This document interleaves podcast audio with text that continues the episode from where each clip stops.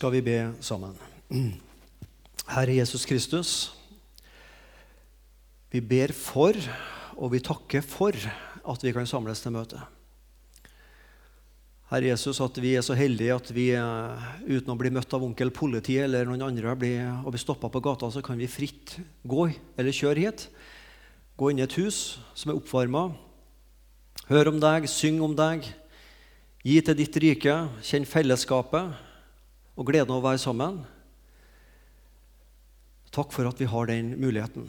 Så ber vi for dem av våre trossøsken som også har gleden av å møtes og kjenner en stor glede med det, sjøl om de utsetter seg for fare. Velsign dem og vær med dem. Og um, På denne dagen over hele verden så er det hundretusenvis av møter og gudstjenester. Vi er ett av dem. Ikke så veldig stor, ikke så veldig mange, men vi er noen. Og det er det samme ditt ord, og det er den samme frelseren. Så du kan også være her ved din Hellige Ånd. Takk skal du ha for det, Jesus. Amen. Det er domssøndag, og som sikkert de aller fleste vet, så er det jo sånn at uh, de ulike søndagene i kirkeåret har ulike navn. Neste søndag så starter et nytt kirkeår, og da er det første søndag i advent.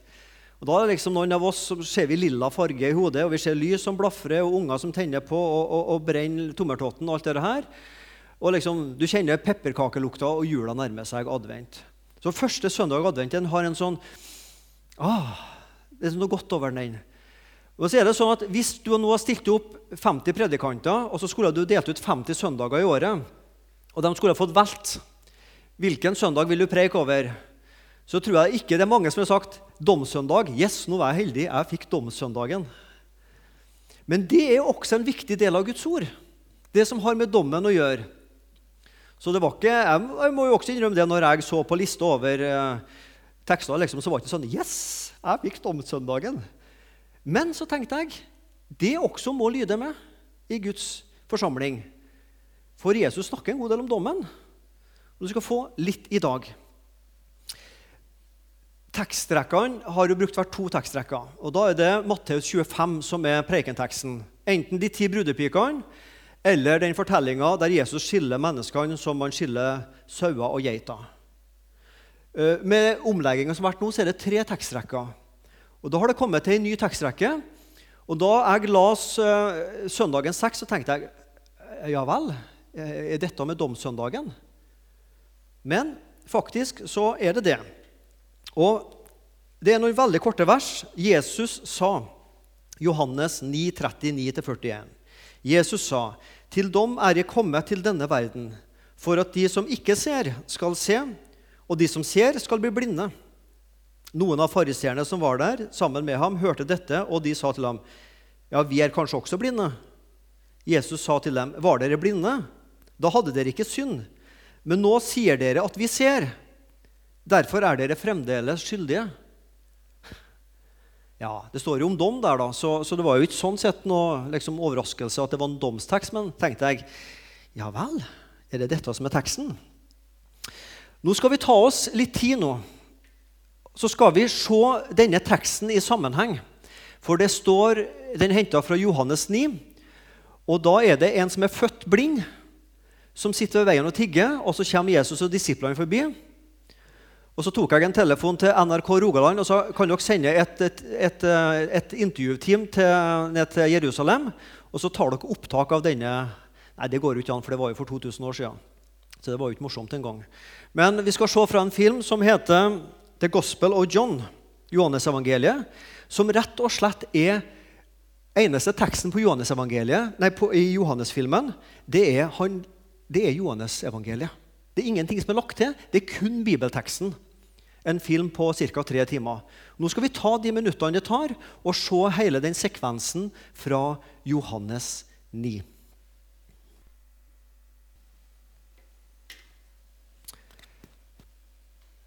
Det er den konteksten og historien disse versene står i. Jesus er kommet til dom også her i tida, ikke bare ved avslutningen av denne verden, men også her i tida, så feller Jesus en dom over deg og meg om vi er seende eller om vi er blinde. Jesus sa, 'Til dom er jeg kommet til denne verden'. Noen år før, kanskje en par år før, så sa Jesus, 'For Gud sendte ikke sin sønn til verden for å dømme verden'. Det virker litt rart. Jesus sier altså på ene sida 'Til dom er jeg kommet til verden', og på den andre sida 'Gud sendte ikke sin sønn for å dømme verden'. Aha, dette går jo ikke i hop. Her må det være et eller annet feil. Er Jesus kommet for å dømme, eller er han ikke kommet for å dømme? Ser du? Ja. Jesus er jo ikke uenig med seg sjøl. Så det er jo et eller annet som hopper opp i oss naturlig at her må det være en løsning. Og det er det jo. Det å dømme er det samme som å skille. Når du dømmer i en sak, så skiller du i en sak. Du skiller mellom rett og galt. Jesus er kommet for å sette et skille mellom dem som kjenner Gud, og dem som ikke kjenner Gud. Mellom dem som tror på Jesus og hans frelse, og dem som ikke gjør det. Jesus er kommet for å sette et skille i forhold til hva slags forhold vi har til han. Og det at Jesus er kommet for å sette et skille igjen, Det er ikke akkurat noe sånn det vi liksom, Å, det var kjekt å snakke om. Men det er jo bibelsk.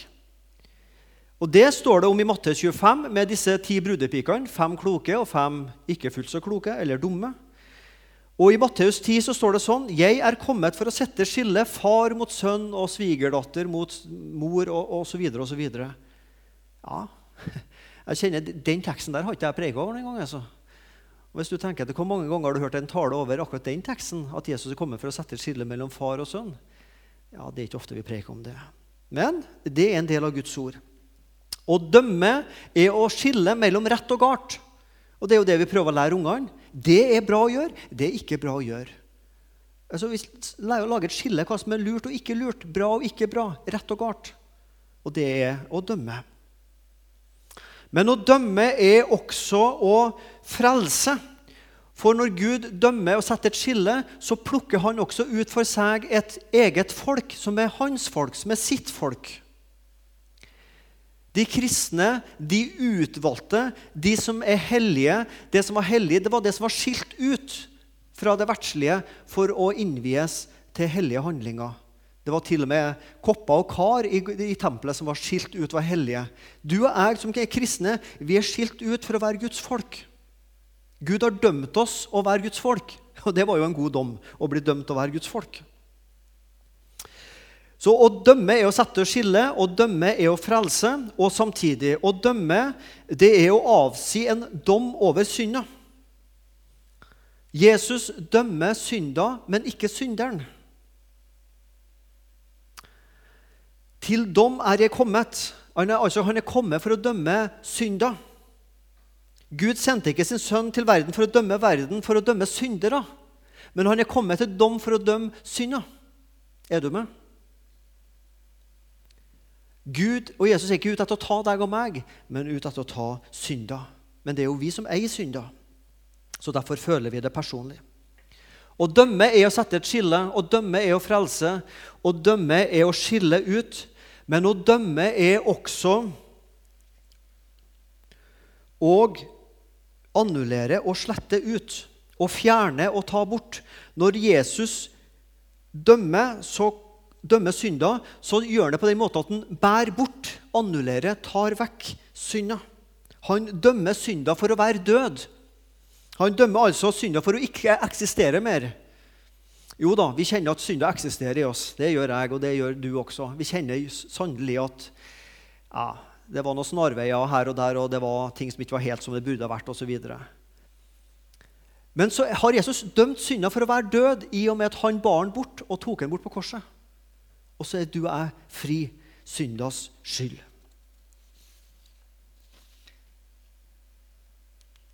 Det fins en dom her i tida, i dag. For Guds ord er levende og virksomt og skarpere enn noe tveget sverd. Det trenger gjennom helt til det kløver sjel og ånd, eh, sjel og ånd, ledd og marg, og dømmer hjertets tanker og råd.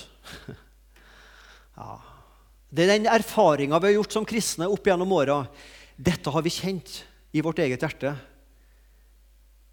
Det var et Guds ord vi hørte eller las eller ble forkynt over, og så kjente vi i hjertet vårt det traff noe. Det dømte noe inni meg. Lyset ble skrudd på, og jeg så at her i mitt eget hjerte var det ting som ikke var etter Guds vilje. Dommen er her og nå, i møte med Guds ord. Min dom her i tida og din dom her i tida avgjøres av hvordan jeg forholder meg til Jesu person og hans gjerning. Og Det vil også avgjøre min dom og din dom på den ytterste dag. De som forkaster Jesus her i tida og avviser Guds ord, at Guds ord dømmer synd, vil en gang sjøl oppleve å bli forkasta på dommens dag. Så dommen her i tida har betydning for den dommen som skal være i framtida. Mattes 25 om lignelsen om disse brudepikene og når Jesus skiller sauer og geiter, snakker om den framtidige dommen. Enten å bli forkasta eller å bli frelst. Dommen når Jesus kommer igjen. Og Det bekjenner vi oss til. Vi tror på Jesus Kristus, Guds sønn, som sitter ved Guds den allmektige Faders høyre hånd, og skal komme derfra igjen for å dømme levende og døde skal komme derfra igjen for å dømme levende og døde. Den ytterste dom, og støte fra seg og bli forkasta og gå fortapt.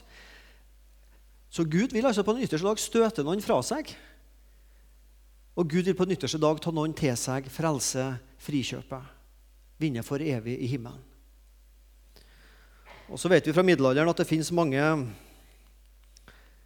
eh, mange malerier på det der. Der har du ett jeg fant på, på Internett, fra sikkert ei annen kirke. Der ser du Det står dommeren i midten med en sånn vippevekt. Og det er sånn mange mennesker tenker at de gode gjerningene på ene sida så de dårlige gjerningene. Og hvis jeg har mer dårlige gjerninger enn de gode, så, så, går jeg fortapt. Og hvis jeg har mer gode gjerninger enn dårlige gjerninger, så blir jeg frelst. Nei. Det er ikke heldigvis det som er domsgrunnlaget. Det er mitt forhold til Jesus. Men det skal være en dom en gang i framtida som eh, skal være til glede for noen og til sorg for andre. Å skille sauer og geiter snakkes om i matte 25. Det tror jeg til og med jeg skal klare. Jeg ser forskjellen på geit og sau. Det, det, er ikke veldig vanskelig. Men, men jeg har vært oppe i Sirdalen når det har vært sånn eh, saueskilling oppi der. Har du vært på det? Jeg tror det er første eller andre helga i september. Det må du få med deg. Det kommer på om ikke millionvis, det var overtid, men det kommer på tusenvis av sauer ned og til Donsen og ikke heter alle disse plassene, og så er det saueskilling. Og du vet, Det er et, det er et kvitt hav. og så har jeg tenkt i min dumhet Hvordan i all verden skal eh, de som eier sauene, si at det er din sau og det er min sau? De er jo hvite i ulla, alle sammen. sauene. De ser likens ut. Og det er klart De kjenner ikke dem igjen på ansiktet.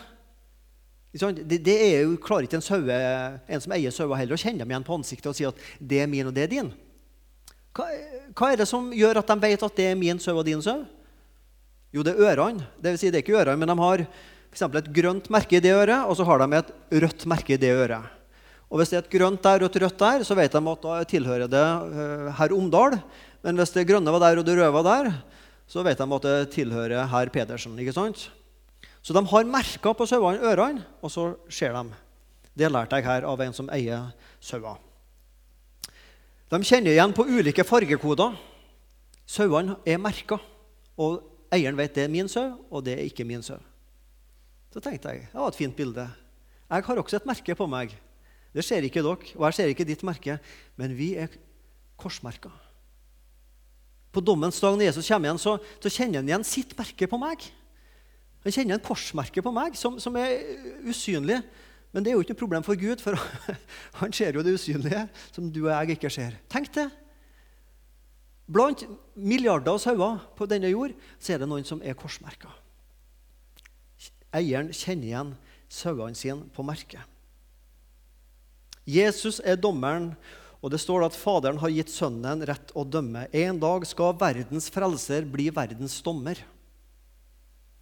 Jesus er så snill og grei og alt det der. Ja, men en dag så skal ikke Jesus bare være snill og grei mot alle.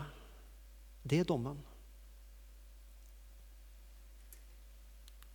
Seende eller blind, o Jesus, åpne du mitt øye. Jesus en øyeåpner.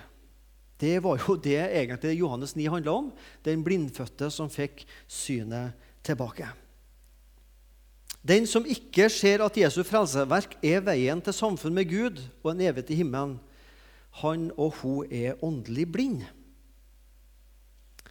Den som er seende, det er den som ser at min og din rettferdighet det er Jesus Kristus sjøl. Og at det nettopp er denne rettferdigheten som er grunnlaget for din og min frelse. At det er Kristi rettferdighet som er domsgrunnlaget på den ytterste dagen. Hvis det var mine gjerninger som skulle avgjøres på den ytterste dag, ja, så gikk iallfall jeg fortapt. Og sannsynligvis du også. Jo, men så sier vi, jo, men i Matteus 25 så står det jo at de besøkte i fengsel, og de var tørst og, og, og, sulten og osv. Og, så videre, og de gjorde gode gjerninger. Og Det er jo tydelig i Matteus 25 at de ble dømt etter sine gjerninger. Og Så leser vi Jakobs brev, så sier Jakob, altså Jesu bror, at nei, det er ikke bare troa som frelser oss, men også gjerningene. Og Så leser vi Paulus romerbrevet, og så får ikke vi det her helt til å gå i hopas. Hva er det Jesus mener? Jeg tror det handler om at den som kjenner Jesus dem som det står om i Matteus 25 her med gode gjerninger, det er dem som kjenner Jesus, og at troens frukter er synlige for andre mennesker. De var ikke klar over det sjøl. Ja, 'Når så vi deg i fengsel, Jesus, og når ga vi deg?' osv. De så ikke sjøl, men Jesus så det, og kanskje andre la merke til det. Det var, de, det var troens frukter som viste at det var gjerninger i den troendes liv. Den rettferdige har troas frukt. Det er det også Jakob vil si i sitt brev.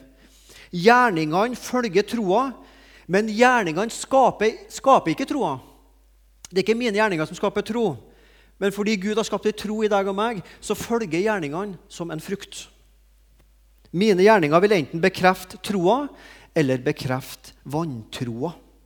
Vi kan altså på en måte avlese troa av våre gjerninger.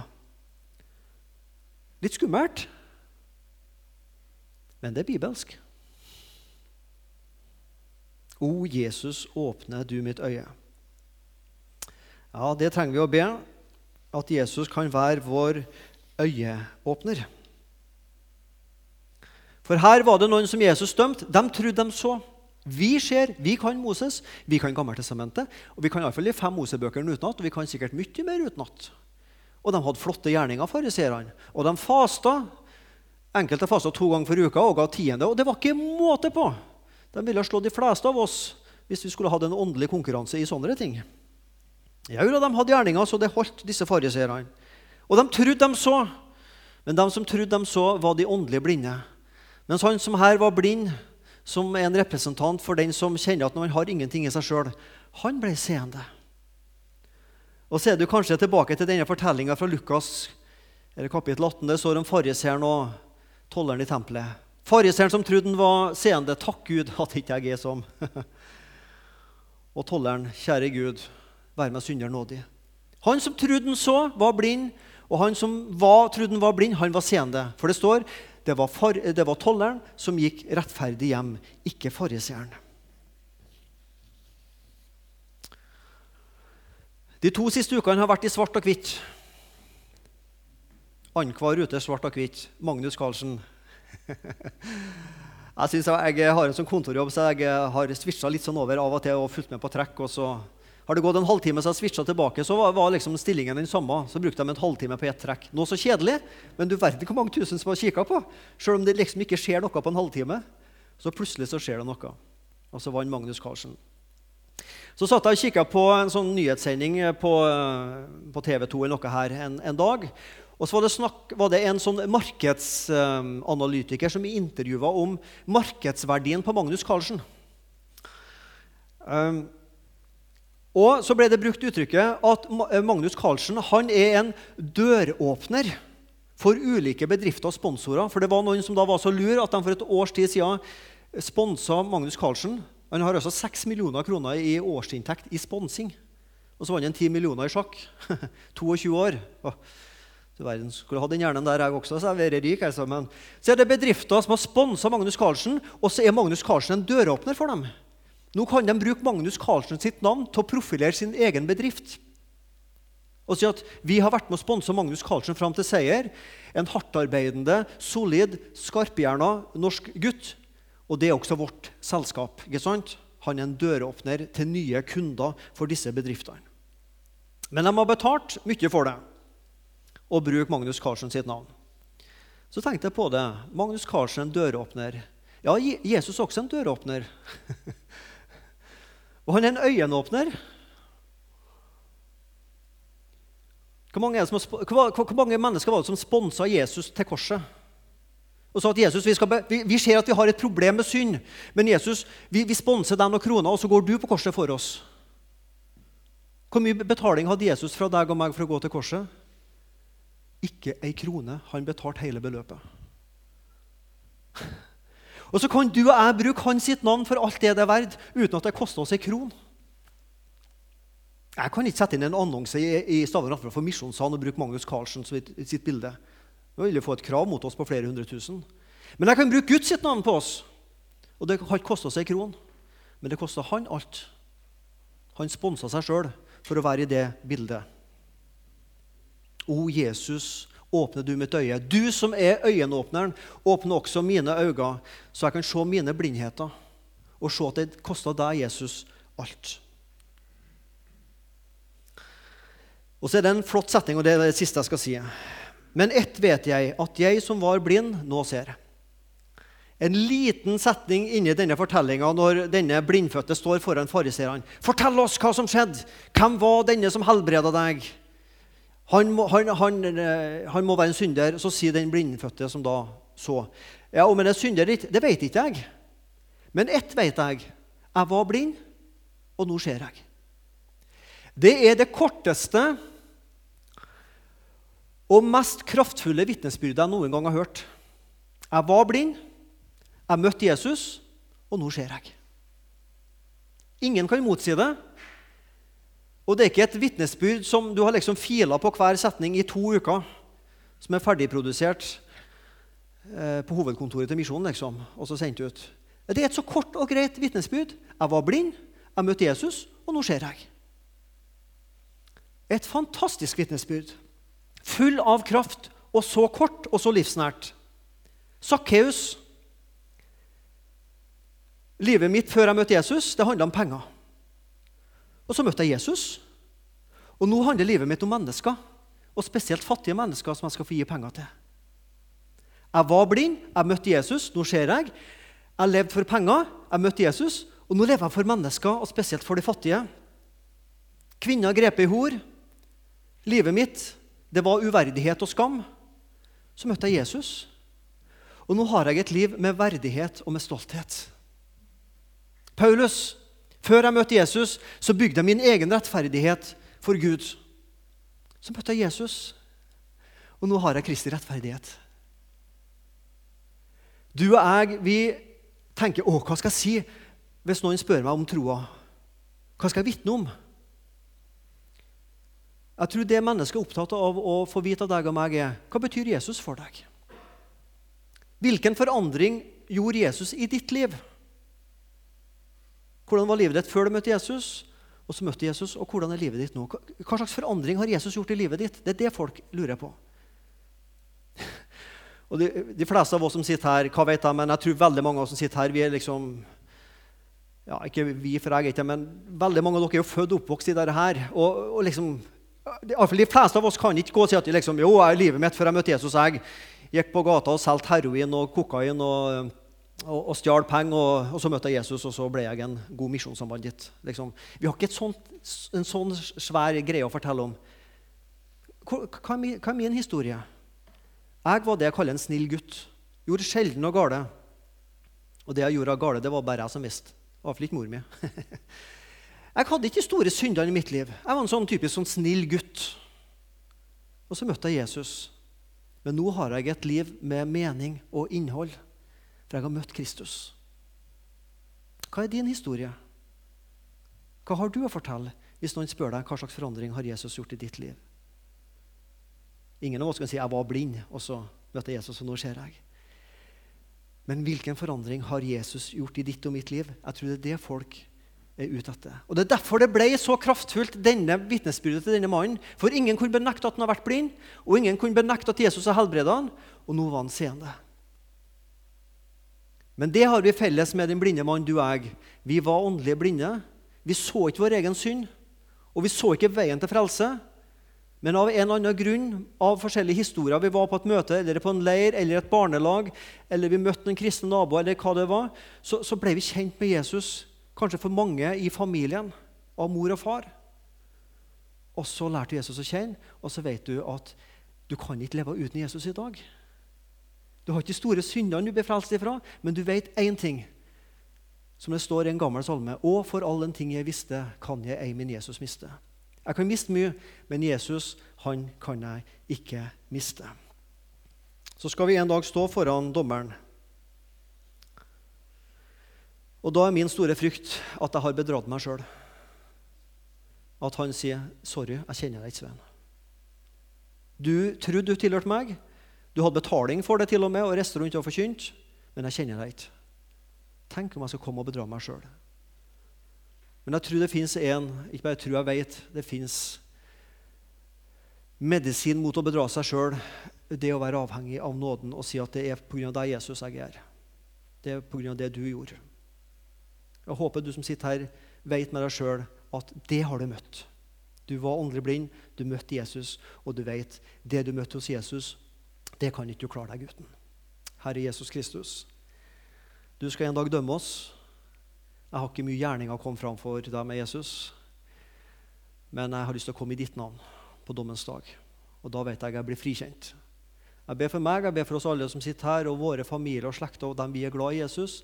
Ikke bare for oss, men jeg ber for hele verden, Jesus. For Sandnes by, for Rogaland, Norge, for våre misjonsland. At det skal være mange mennesker Jesus, som får høre om deg og lære deg å kjenne og bli frelst på dommens dag. Amen.